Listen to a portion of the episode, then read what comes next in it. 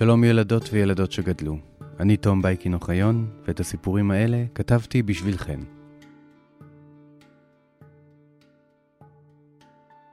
לפני שנתחיל, רציתי לספר לכם על הלייבל העצמאי שלג, בו אנחנו מקליטים את האגדות שלנו. בחלוף השנים, הייתה לנו הזכות לעבוד עם גופים שונים, כמו מוזיאון ישראל ובית אביחי, ולהציע שילוב של חשיבה יצירתית עם עבודה מקצועית. לאחרונה, יש לנו אולפנים חדשים בבית רוח חדשה בירושלים, והוספנו לתפריט שלנו, לצד פודקאסטים כמו אגדות אמיתיות ועבודות סאונד אומנותיות, גם הקלטה ועריכה של ספרי שמע.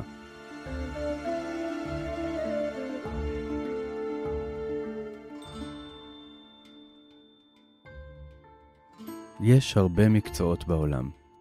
יש מורים וסופרות, טבחים וטייסות, ואפילו יש היום מקצוע יוקרתי במיוחד, שבו מקשיבים לבעיות של אחרים. ההגדה שלנו היום תספר על האיש שבטעות גילה את המקצוע של אוהבי החוכמה, הפילוסופיה.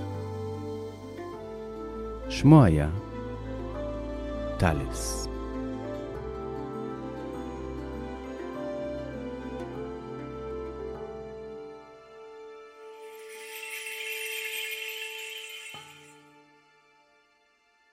לפני כ-2600 שנה נולד בכפר היווני מילטוס שבאסיה הקטנה, כיום טורקיה, אדם חכם מאוד ושמו טלס. אהבתו הגדולה ביותר הייתה הכוכבים. הוא נהג להתבונן בהם בחיפוש אחר הסדר הסודי של תנועתם. אומרים שהצליח אפילו לחזות ליקוי חמה בדיוק ביום שבו היוונים היו אמורים לצאת למלחמה. יום אחד, כשטלס טייל כהרגלו ועיניו נעוצות ברקיע, הוא היה שקוע כל כך במחשבותיו עד שלא ראה לאן הוא הולך ונפל לתעלה. למזלו הרב, היא הייתה יבשה. כובסת צעירה רצה אליו צוחקת וצעקה לו, טלס, טלס, הראש שלך תקוע כל כך בשמיים, עד שאתה לא יודע מה נמצא מתחת לרגליך.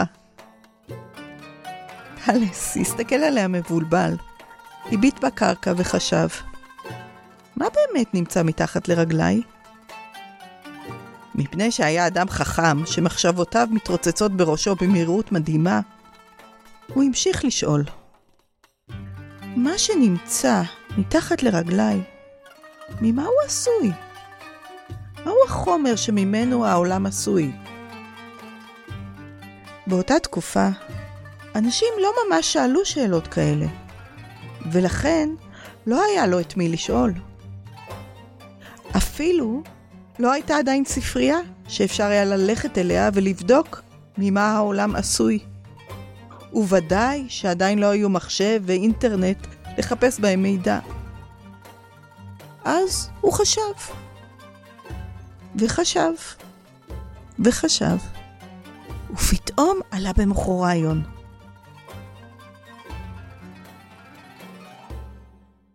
יש שלושה סוגים של דברים בעולם.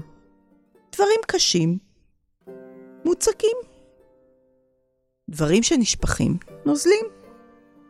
ודברים אווריריים, כמו האוויר והעשן. גזים.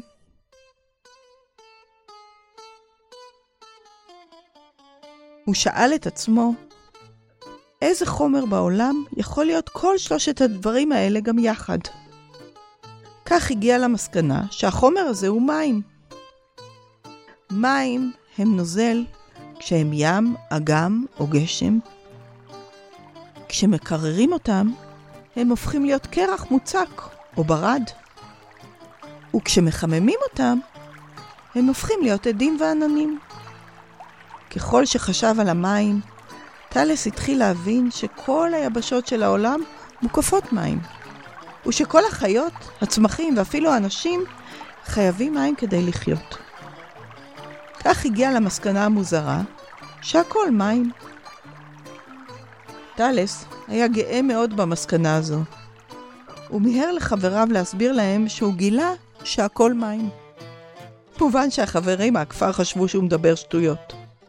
וכשכמו תמיד, הראש שלו בעננים. אחד מהם אפילו צחק ואמר לו, טלס, אם אתה חכם כל כך, למה אתה לא עשיר? טלס נעלב. מה הקשר בין כמה כסף יש לי לבין כמה אני חכם? מושפל ופגוע, החליט ללמד את חבריו לקח. באותן שנים הייתה בצורת ממושכת. עצי הזית לא הניבו פרי כלל, ובתי הבד, שבהם הופכים את הזיתים לשמן הזית שהיוונים אוהבים כל כך, נשארו ללא עבודה. טלס התבונן בשמיים, ובחן את תנועת הרוחות והעננים, וגילה שעוד מעט יגיעו גשמים גדולים והבצורת תיפסק. הוא לא חשף את תגליתו בפני איש, אלא מיהר לקנות את כל בתי הבד של האזור במחיר מגוחך. שכן, כולם חשבו שהוא טיפש לקנות בתי בד כשאין בכלל זיתים. אבל טלס רק חייך, ושילם לכולם את המחיר הזעום שביקשו ממנו. היום המיוחל לא איחר להגיע. הגשמים ירדו. ובמהרה כל עצי הזית התהדרו בזיתים שמנמנים ומלאי שמן. וכל האנשים היו חייבים לשלם לטלס כסף רב בכדי להשתמש בבתי הבד שלו. כך הפך לאיש העשיר ביותר במילטוס, למורת רוחם של כל אלה שצחקו לו. היום אנחנו יודעים שהעולם אינו עשוי ממים, אלא מהרבה חלקיקים קטנטנים שמרכיבים אותו. אבל כל החקירה של ממה העולם עשוי, ובכלל כל הנושא של חקר עולם הטבע, אולי לא היה מתחיל, אלמלא איש חכם אחד, ושמו טלס, נפל לתעלה.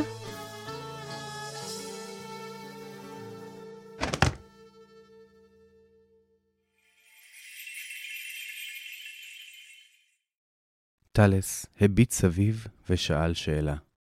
לכאורה, מדובר בפעולה רגילה, אבל משהו בכוונה שלו היה שונה. יש המון תשובות בעולם שלנו, לפעמים יותר מדי, אבל יש משהו בשאלות טובות שפשוט מזמינות אותנו לחקור ולגלות.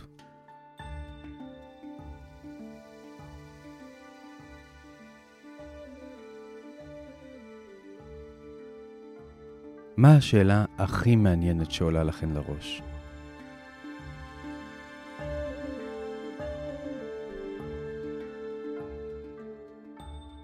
איך לדעתכן צריך לנסות לענות עליה?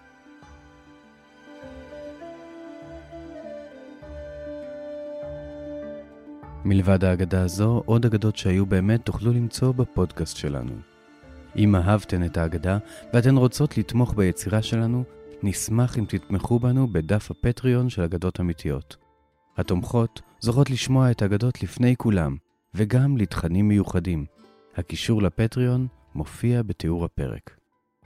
אם נשארתן עם טעם של עוד, שני הכרכים של סדרת הספרים שלנו, עם 60 אגדות נפלאות, נמצאים באתר הוצאת פנק.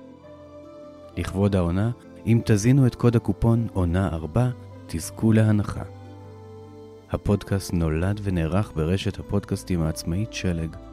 את ההגדה הזו קראה עבורכם כרמית ירון. אני, תום בייקין אוחיון. ואם רק תסתכלו טוב טוב, תראו שכל אחת ואחד מכם היא כבר גיבורה של אגדה.